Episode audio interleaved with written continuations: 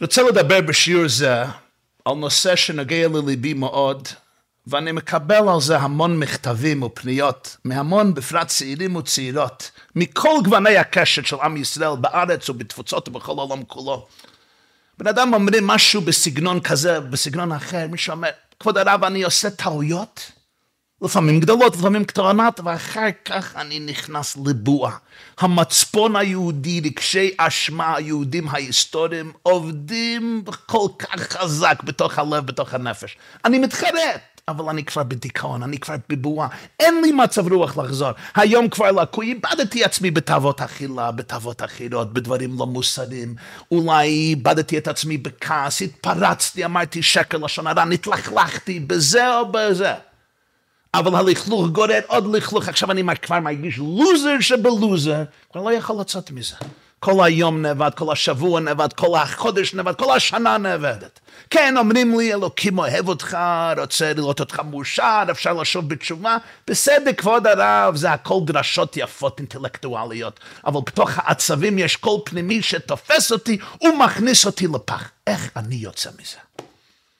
הרב אורי זוהר, זיכרונו לברכה, סיפר פעם בדיחה על שני ילדים דתיים שגרו בלונדון ונסעו ביחד על אופניים לבית ספר שלהם לחדר בבוקר.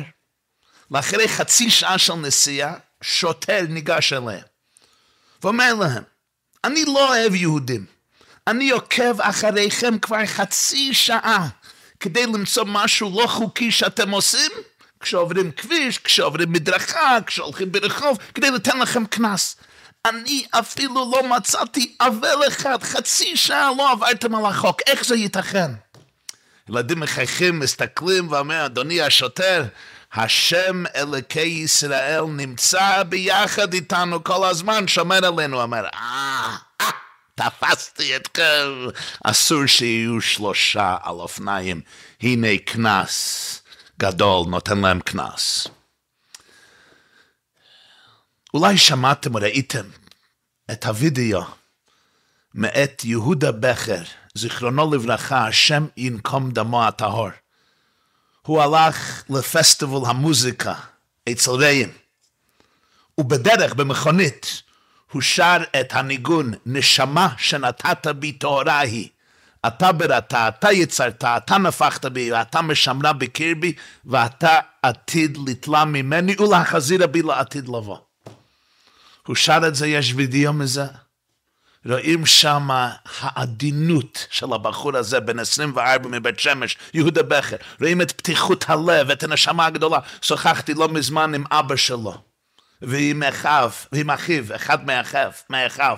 סיפרו לי על הלב הענקי, על הנשמה הגדולה, על אהבת הבריות הבוערת בקרבו, על פתיחות, פתיחת הנשמה והלב שלו. הסתכלתי על הוידאו, ראיתי אותו שר את השירה, וואו, איזה אותנטיות, איזה עמקות הנפש, איזה רוחניות נשפחת משם, בוקעת משם, מבצבצת משם. קצת זמן קצר אחר כך, הוא נרצח, לקח חמישה או שישה ימים לאתר את הגופה שלו, הוא נרצח, וזה השיר האחרון שלו, תפסו בווידאו. יש פרשת משפטים מלאה במצוות, מצוות בין אדם לחברו בעיקר, בכל מצווה יש עומק לפנים מעומק ותוכן נורא ונפלא על דרך הפשט, על דרך הרמז, על דרך הדרוש, על דרך הסוד. בשיעור זה אנחנו רוצים לקח מצווה אחת, ספר שמות פרק כ"ב, פסוק י"ג וי"ד, פרשת משפטים פרק כ"ב. וכי ישאל איש מאמריהו ונשבר או מת, בעליו אין עמו, שלום ישלם. אם בעליו עמו, לא ישלם. כלומר, אם אני שואל משהו ממך, ממך אני שואל משהו מאת חברי, או אישה מאת חברה, וזה נשבר, הדבר נשבר, הבהמה נשברת, הבהמה מתה. אם הבעלים הם לא שמה, צריכים לשלם, השואל צריך לשלם. מה, ש... מה שנאבד, מה שנפסד. אם בעליו אמו, לא ישלם. ההלכה היא ששואל, אם אני שואל משהו ממך, אני לווה משהו ממך, אני חייב, אני חייב לשלם. אתה השאלת לי מכונית, מכונה, קומפיוטר, פלאפון, סוס, פרה, חמור. אני שואל את זה, אני משתמש בזה. כל הנאה שלי, אתה נתת לי, עשית לי טובה, השאלת לי מעיל, מטריה, מה שלא יהיה. עט. אני טוען, נגנב, מה אתה רוצה ממני? נאבד. הייתה סערה, היה צונאמי, היה ברק, שרף את זה. שואל חייב בכל, אם זה היה גניבה, אבידה, אפילו אונס, אקסידנט, תאונה, לא הייתי יכול לעשות משהו. אבל המשאיל, זה שלווה את זה, אומר, אני רוצה את זה חזרה, אני רוצה את זה בחזרה. לכן אם זה היה אונס, גניבה ואבדה, כמובן פשיעה, אם אני פשעתי, פשוט לא שמרתי על, ה, על הסוס והסוס רץ, לא שמרתי על הפרה, לא שמרתי על הכבש, כמובן אני צריך לשלם. התורה אומרת, התורה וחז"ל מסבירים, יש פטור אחד, נקרא מיתה מחמת מלאכה. אם אני שואל ממך פרה, או פר, והפר חורש את השדה שלי, ובאמצע המלאכה, בגלל המלאכה, לא מישהו גנב, לא מישהו אה, לא נאבד, לא, הייתה, לא היה אונס, לא גנבו את זה ממני, לא. בגלל המלאכה היא מתה. אז השואל פטור, מתה מחמת מלאכה. הרמב"ן מסביר, כי אז המשאיל, ייתכן שהוא פושע, אני לא הפושע. אתה ידעת שזה לא ראוי לעבודה, זה פשוט נתת לי מכונית. וזה נשבר באמצע המלאכה, מחמת המלאכה. אז השואל לא צריך לשלם. אבל פה התורה אומרת תנאי אחד. בעליו אין עמו, שלם ישלם. אם בעליו עמו, לא ישלם. מה פירוש הדברים?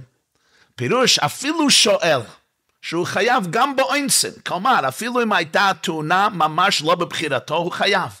אבל אם בעליו עמו לא ישלם, מה פירוש אם בעליו לא, לא ישלם? אז חכמינו זיכרונם לברכה, מסבירים במסכת בו במציע באריכות, שאם הבעל היה איתי אפילו בשעת השאלה, כלומר, אני מגיע לחברי ואני שואל לא רק חפץ, או בהמה, אלא גם הבעל עצמו. מה שנקרא שאלה בבעלם. אני מבקש מהבעלים של הבהמה, אולי אתה יכול לעזור לי במלאכה זו. אפילו להשקות לי מים, תן לי קצת מים מה, מהמים מהברז שלך. אפילו אם הבעלים לא היו בשעת, בשעת האונס, בשעת התאונה, השואל פטור. אפילו אם הייתה פשיעה הוא פטור. כלומר, הנה מי מגיע למישהו, אני מבקש ממנו טובה. אתה יכול לעזור לי אולי לבנות הסוכה שלי? אתה יכול לעזור לי בגינה משהו? אתה יכול לעזור לי לתקן מנעול הדלת? אתה יכול לעזור לי במכונית שלי, המכונית שבורה? אפילו להשקות לי קצת מים. ואחר כך, ואתה עושה את זה.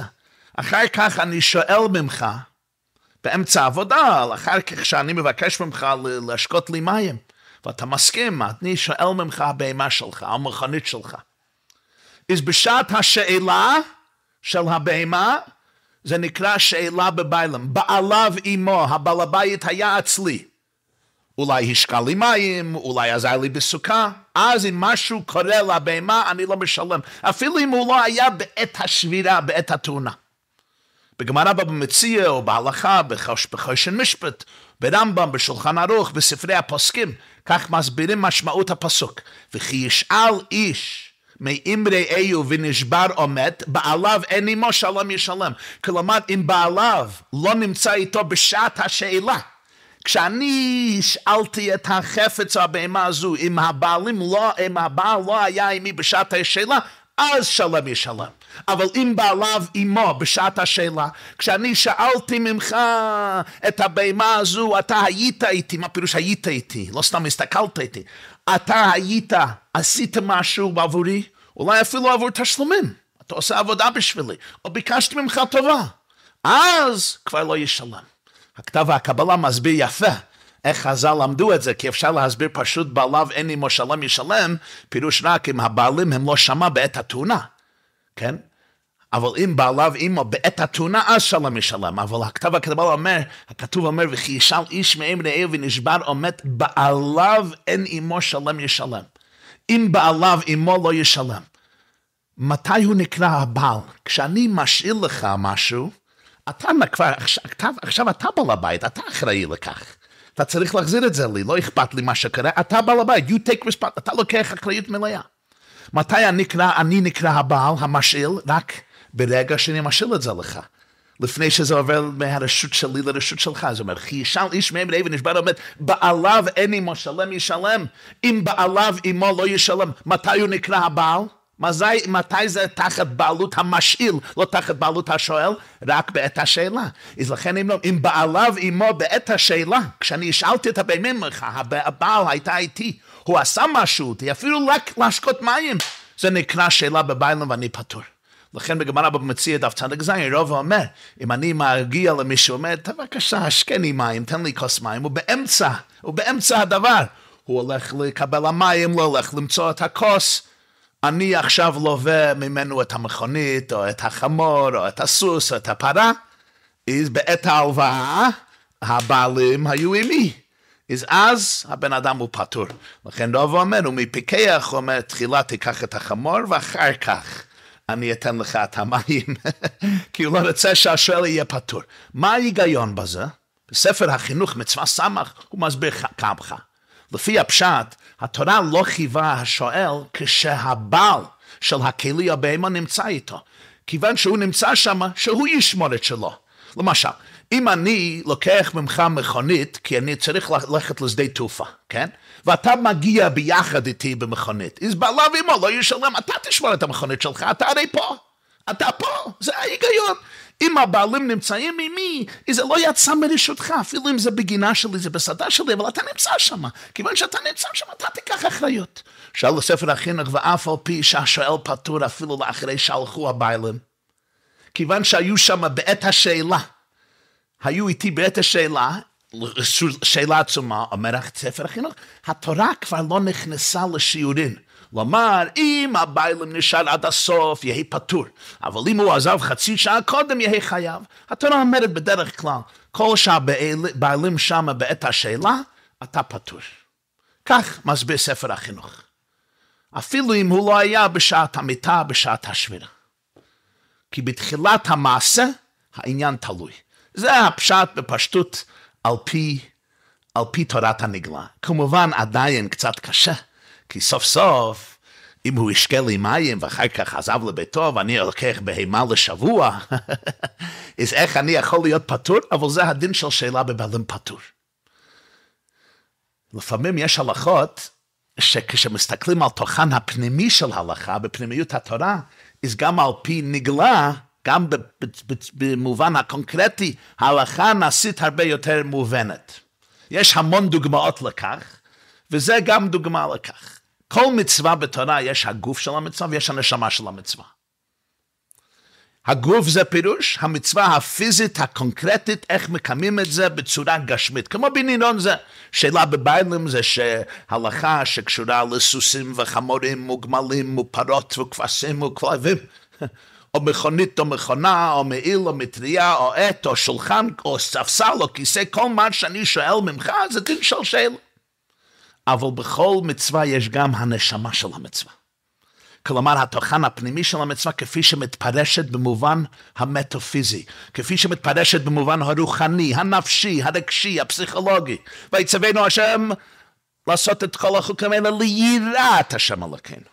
הפירוש הפנימי מובא בספרי חסידות, פירוש שבכל מצווה יש גם תוכן פנימי של יראת השם. הרמב"ם כותב בספר היד, רוב דיני התורה אינן אלא לתקן הדעות וליישר המעשים. הפירוש זה לא רק מובא בספרים, שכל מצווה עושה אותי בן אדם יותר מוסרי, ועדיין נכון, אבל גם שיש תוכן פנימי במצווה שקשור לדעות של האדם, להשקפות האדם, לחוויות הפנימיות של האדם. ולכן בספרי נגלה, כלומר בספרי הלכה, גמרא ופוסקים ושולחן ראשונים ואחרונים, שאלות ותשובות עד היום הזה, כשמדברים על מצוות מדברים על צד הקונקרטי, הפיזי, לא המדרש העלמייס הוא העיקר. אבל בספרי פנימיות התורה, ספרי המחשבה, ספרי קבלה, ספרי חסידות וכדומה, שמה מודגש המון החוויה הפנימית של המצווה, המצווה במובנה הרוחני. הייתי בחור צעיר בישיבה, היה בשבת פרשת וייצא, זין בכסלו תשמ"ח, זה 1987. עמדתי בהתוועדות בשבת של הרבי מלובביץ', והרבי דיבר אז על שיר רמב"ם היומי, שהיה בהלכות האלו, ודיבר, הלכות שכירות אני חושב היה, ודיבר על התוכן הפנימי של הלכה זו שאלה בבעלים בחיי כל אחד ואחד. ואני רוצה לחזור על נקודה אחת, פרשת ויצא. אה, יעקב אבינו לפני שהוא, אה, כשהוא בדרך, ויצא עם יעקב מבאר שבע ילך חרנה, הוא מתעורר מהחלום, הוא אומר, אם יהיה השם אלוקים עמדי ושמרני, והויה השם לי לאלוקים, הוא מבקש, השם יהיה עמו.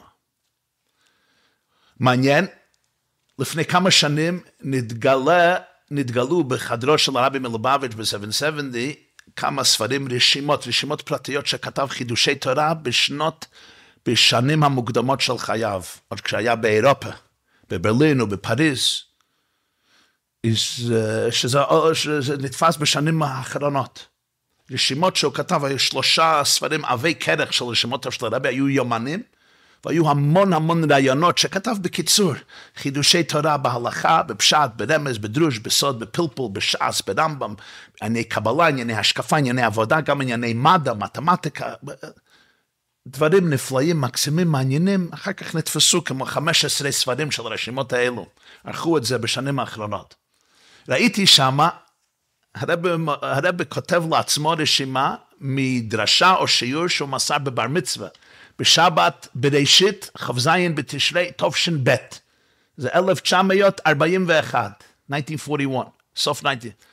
שבת בראשית תש"ב, בעיצומה של מלחמת העולם השנייה, הרבי ניצל מציפורני הנאצים בצרפת כמה חודשים לפני זה, והוא הגיע לאמריקה בתש"א, סיבן תש"א, יוני 41, וזה היה שבת בראשית תש"ב.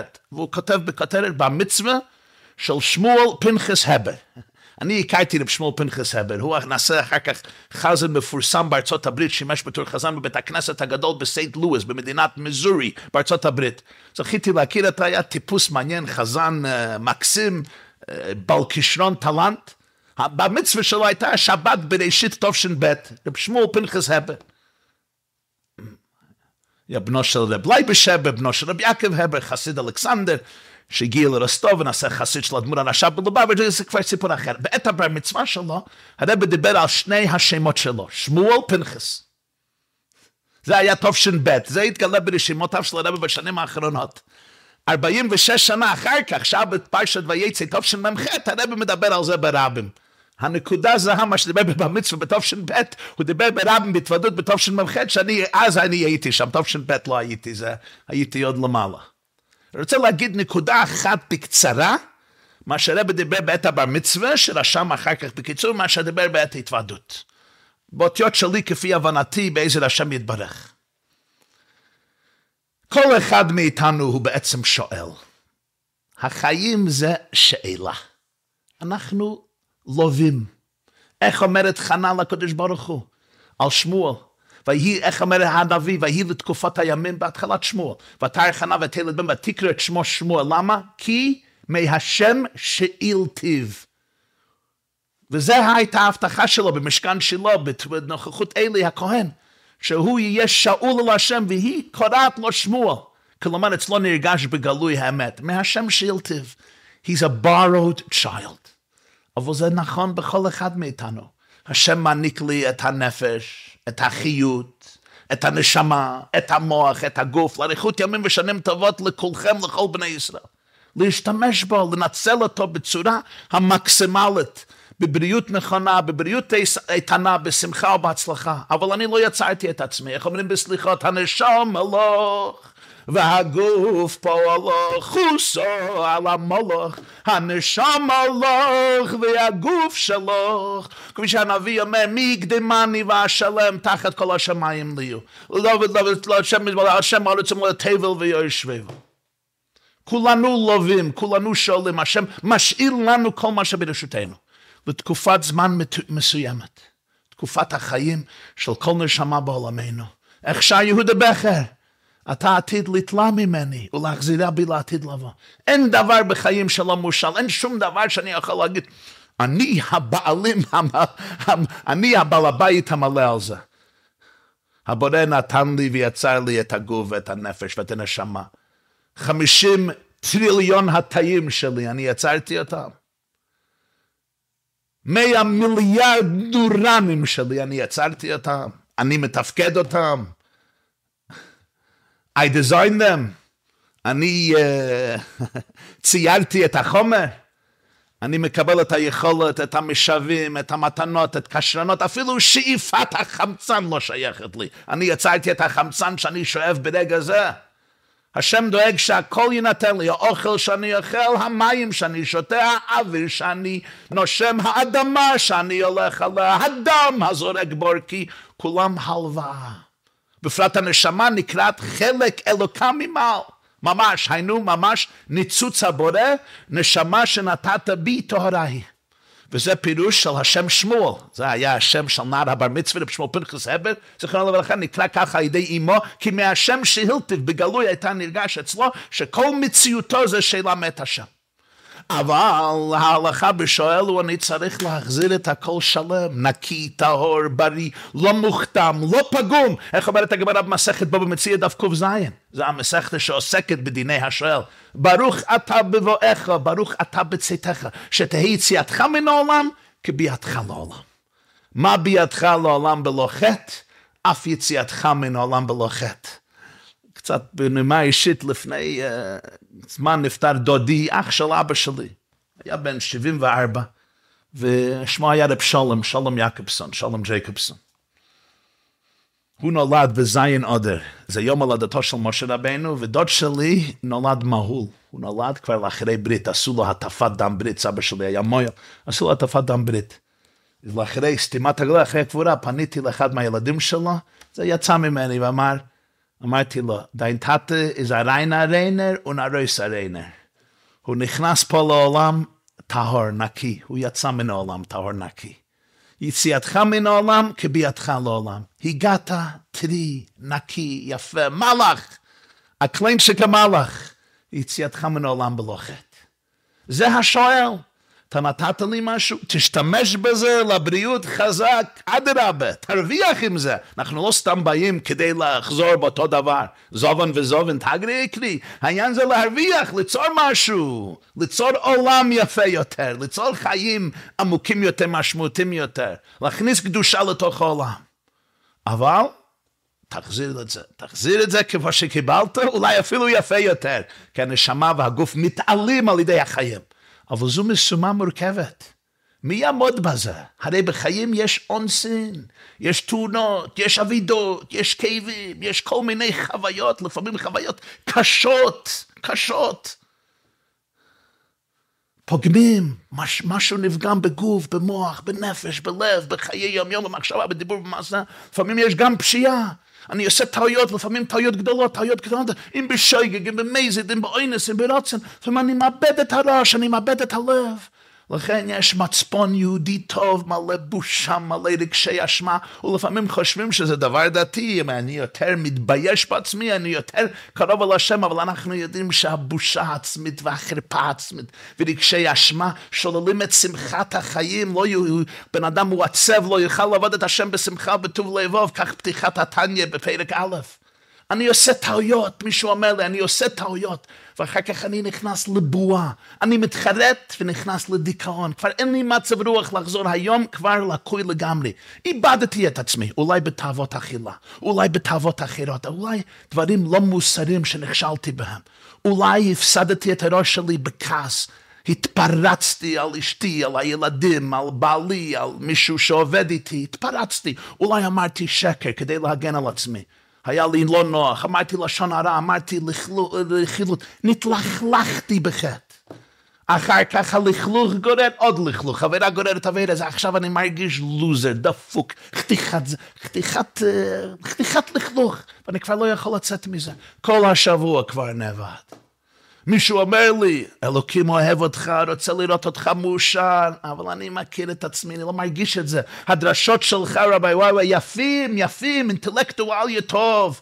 כן, סיפור יפה, בדיחה יפה, רעיון טוב, אבל לא מדבר לעצבים שלי, יש קול פנימי שחזק יותר, והקול הפנימי הזה תופס אותי, מכניס אותי לפח. איך אני יוצא מזה? מישהו מזדהה עם מה שאמרתי? אני כן מזדהה. אני מקווה שאולי יש אחד או שתיים או אחת או שתיים שמזדהים עם מה שאמרתי. אתם מבינים את העניין? זה הכאב. זה הכאב שאנחנו מדברים על זה. משימה קשה, שתהי בידך, ביצאתך מן העולם כבידך, ברוך אתה בביך, ברוך אתה בצאתך.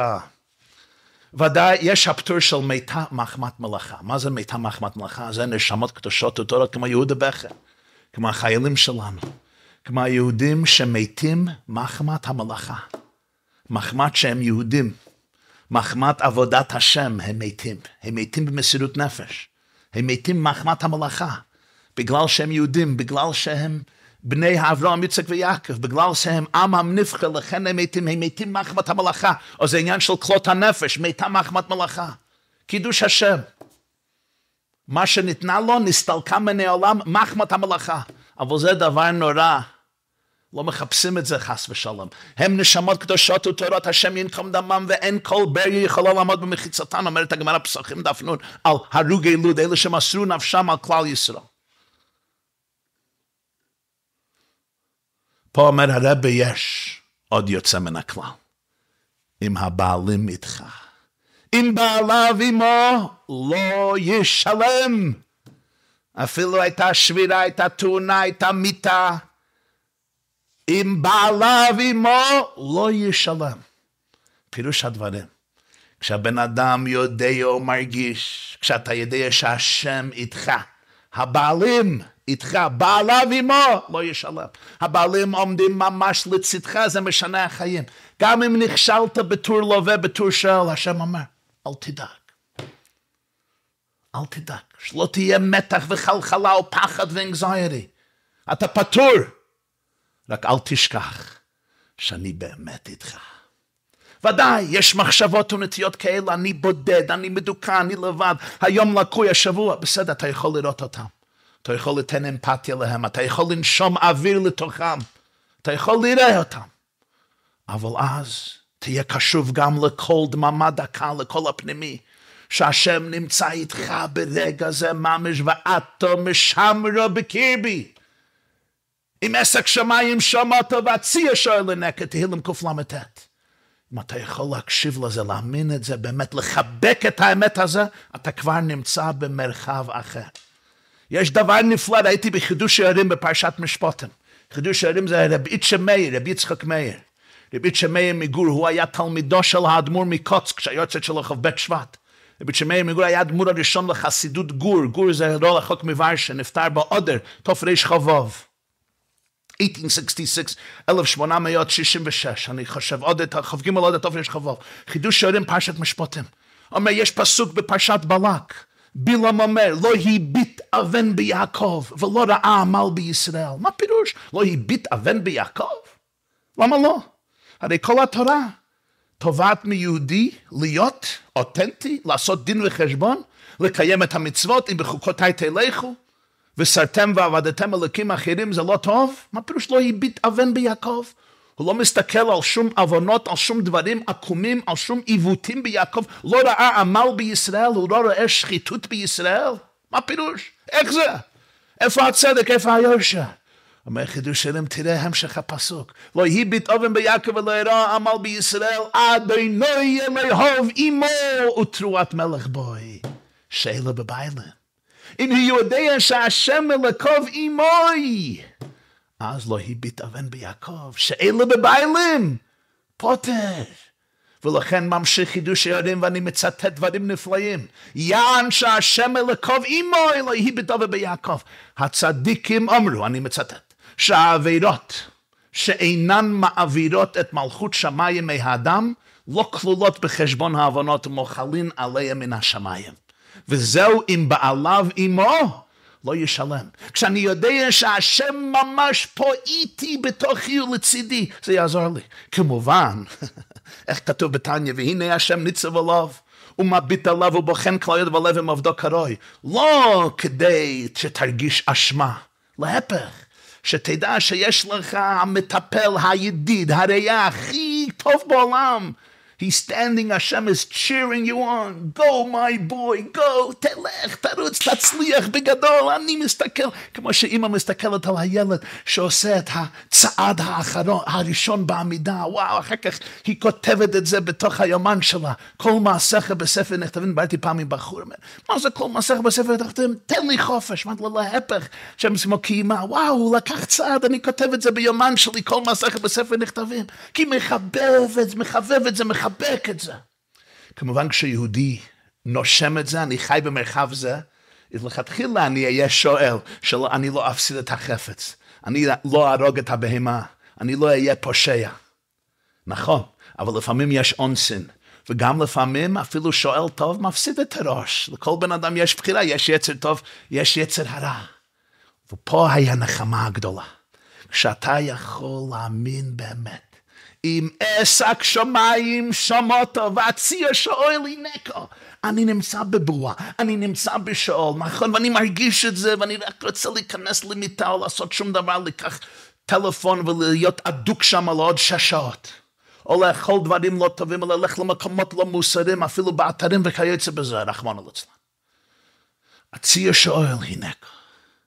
אתה יכול להקשיב לכל דממה דקה, אני איתך בתוך הכאב, בתוך הדיכאון, בתוך הרגש שאתה לוזר שבלוזר שבלוזר.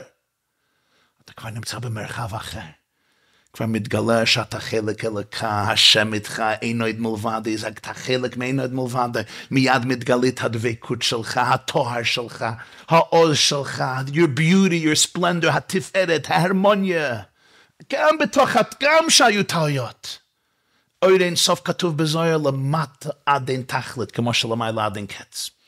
יש ביאור נפלא מהרבי מריז'ן, רבי ישראל ריז'ן, אה, משהו. זה מצוטט בלקוטי מרמשיק, אני חושב בפרשת משפטים. מרמשיק מביא מרבי ישראל מריז'ן. אומר כך, דוד המלך אומר בתהילים כ"ז, אנחנו אומרים זה כל חודש אלו וחלק מתשרי. אחת שאלתי מאת השם אותה אבקש, שבתי בבית השם כל ימי חיי לחזות בנועם השם ובקבי חלה. אתם רואים משהו מוזר פה? אחת שאלתי מאת השם אותה אבקש, אחת שאלתי מאת השם, שבתי בבית השם, מה זה אותה אבקש? וגם שאלתי זה לשון עבר, אבקש לשון הווה או עתיד. אחת שאלתי מאת השם, אותה ביקשתי. או אחת אשאל מאת השם, יש משהו פה לא מסתדר בדקדוק לשון התנ"ך, לשון הקודש.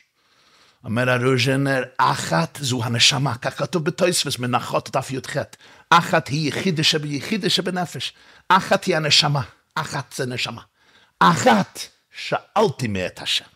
הנשמה, אני שאלתי מאת השם. זה שאלה.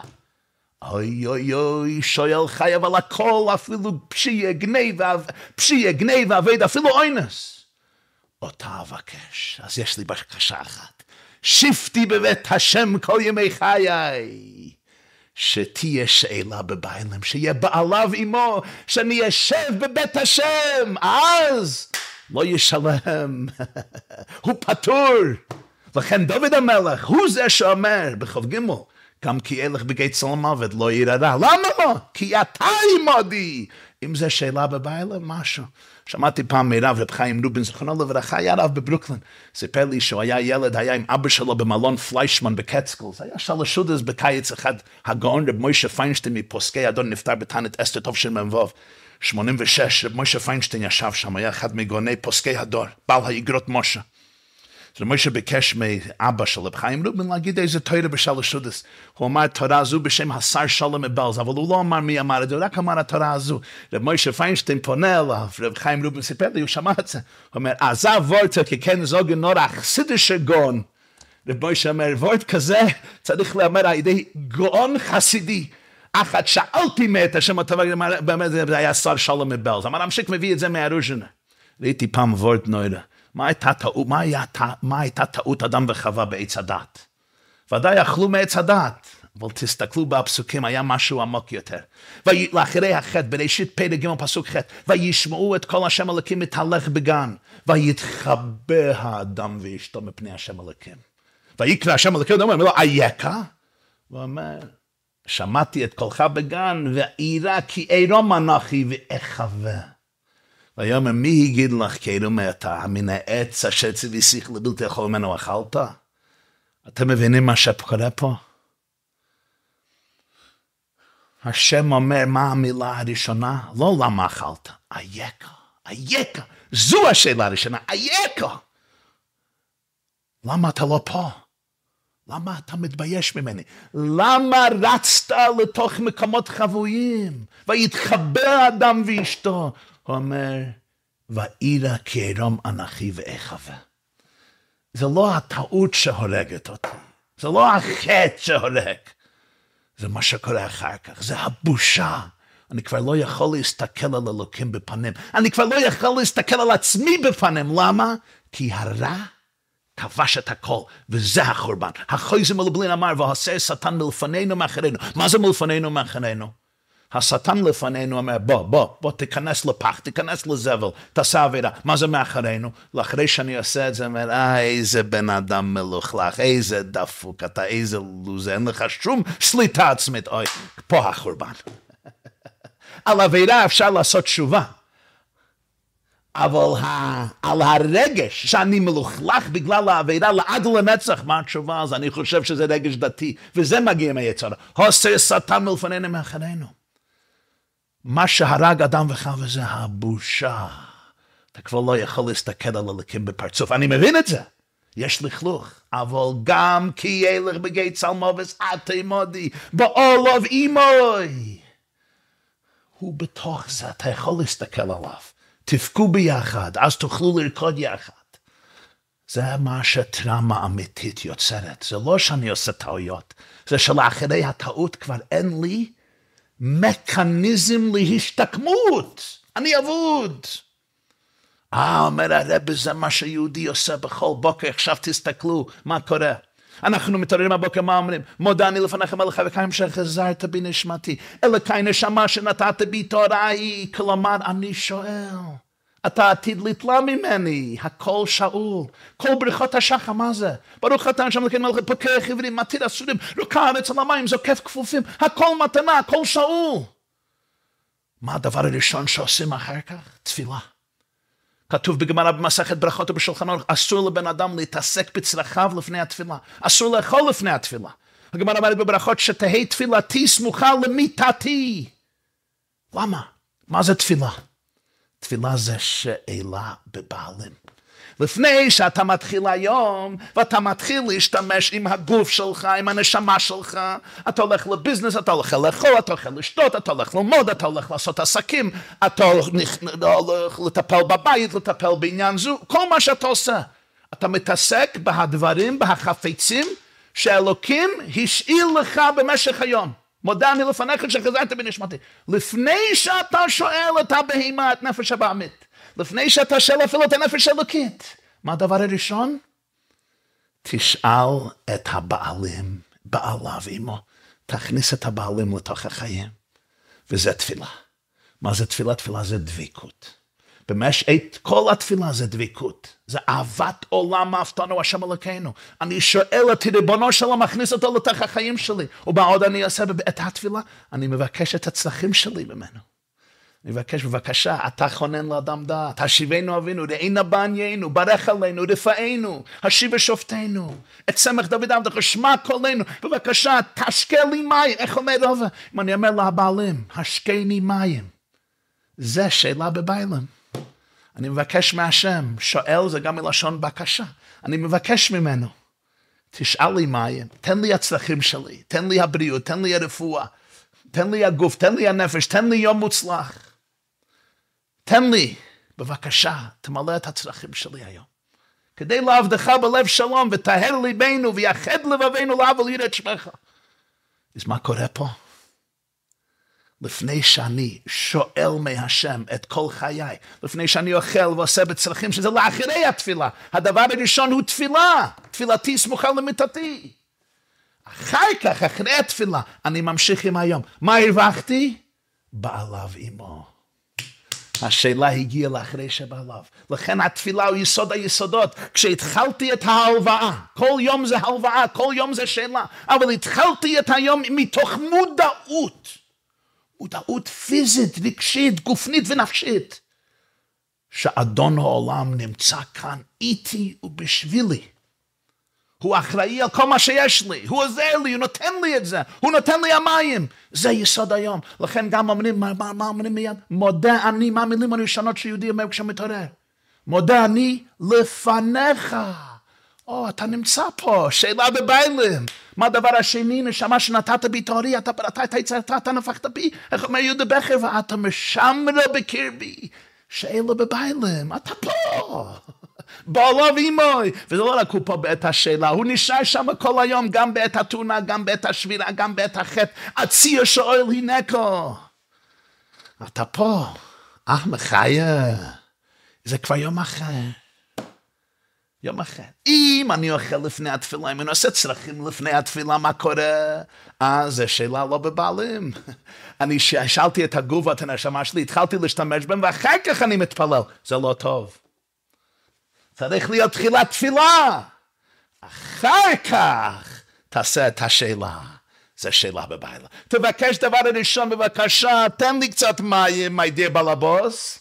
אחר כך תשאל ממנו את הבהמה, את הפרה, את הגמל, ואז לא ישלם, זה כבר עניין אחר. ודאי נכון שבן אדם יעשה טעות. אבל השם אומר, אם תדע באמת בצווים שלך שאני תמיד איתך, שיש לי את הגב שלך, שאני נוכח בחייך, אז חייך יהיו סיפור של ברכה, אור, טהרה, אתה לא צריך לחיות במרחב של פחד, אשמה, בושה. אל תיכנס להבועה, ואפילו אם אתה כן נכנס להבועה. תזכור שאני שם גם גם. תאמין בהכל הזה שאני שם גם, ולכן אומר חידוש יעדים. אם אני לא מפסיד את העול מלכות שמיים גם לאחרי העבירה, אתה בסדר. אתה בסדר. ודאי אני אעשה תשובה. זה לא עניין שלא צריך לעשות תשובה. מי, מי, מי רוצה לחיות בלכלוך? גם השואל, אפילו אתה אומר לי שפטור, אני לא אהרוג את הבהמה שוב מחר, אני רוצה להיות מי שאני, אני רוצה להיות מה, מה, אני נשמה שנתת בי טהוריי, למה שאני אהיה מלוכלך? אבל זה בלי הדיכאון והעצבות והמורשכיירה. הרב אז התבטא בהתוודות ויצא טוב של מ"ח, אוי אבום של ישראל, הוא אומר, מישהו בא, הוא הרבה, בשנים האחרונות היה מדבר תמיד, הרבה כאילו לשמיים, זה אמר, מישהו בא להתלונן על יהודי שהוא כשל, רוצה שיעמידו אותו לדין, יש מקטרגים. בא הקדוש ברוך הוא ואומר בתורתו, מה פירוש? היהודי הזה אמר הבוקר, מוידה אני לפניך. הוא אומר שאני איתו. הוא אמר שאני איתו, הוא אמר, אתה משמרה בקרבי, הוא אמר את זה. אז הוא פטור מכל העונשם. הייתי אומר, מוסיף ככה, זה בדרך אף שאני לא בטוח אם שגיתי השם יכפר בעדי. כתוב באבות דרב נוסן, פרק ט"ז. רב שמעון בן יחוי אומר, ישראל אין רואים פני גהנם לעולם. רבי עקיבא איגר, הגון רבי עקיבא איגר מביא את זה בגיליון הש"ס בסוכה דף מ"ה, רב שמעון אומר, יכולני לפטר את העולם כולי מן הדין, רבי עקיבא איגר, אדם הגדול באנוקים מציין לעבוד רב נוסן. רב שמעון בן יחוי אומר, מכאן שאין ישראל רואים פני גהנם לעולם. מה פירוש? אולי כי לבשירים יכול אומר במסכת מגילה דף כ"ט, בכל מקום שגולו ישראל שכיני מים, גולו לאדם, גולו לבובל, גולו לאלם, שכיני מים, ושוב השם לקח את שבוסך, לא נאמר, והשב ושוב. כי הוא נמצא ביחד איתך, זה שאלה בביילם, אז אין אירוע פני גהנם לעולם. כך אולי אפשר להגיד בדרך אפשר לפי עניות. דעתי.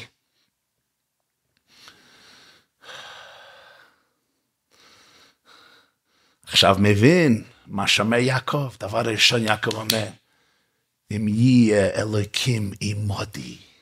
יעקב אומר, לא לך על נסיעה ארוכה ומתישה ולא קלה, אבל אני רוצה שיהיה ביילוב עמוי.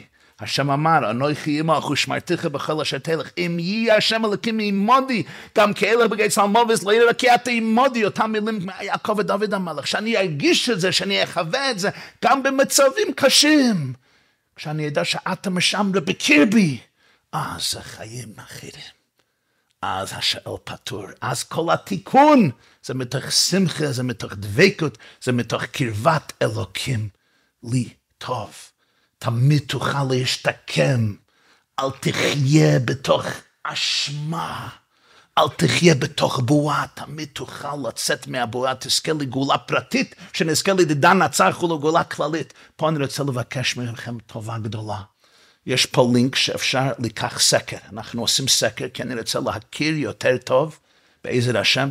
אלה שאני זוכר שאתם שומעים או צופים בשיעורים, אז אתם יכולים למלות את הסקר. אני, הכל פרטי, הכל אינדיבידואלי, הכל סודי. לא נראה את זה לאף אחד, אז אפשר לכתוב בחופשי. אני בלי נדר אעבור על זה. אני גם רוצה לדעת על מהות השיעורים, וטיב השיעורים, ואיכות השיעורים, ותוכן השיעורים, מה הקהל רוצה, מחפש, שואב, כדי לשפר יותר טוב בעזר השם יתברך, עד שנזכה לראות מעלה הארץ דיית השם כמים ליום מחטאים במהרה בימינו, ותקף מיד ממש, תודה רבה.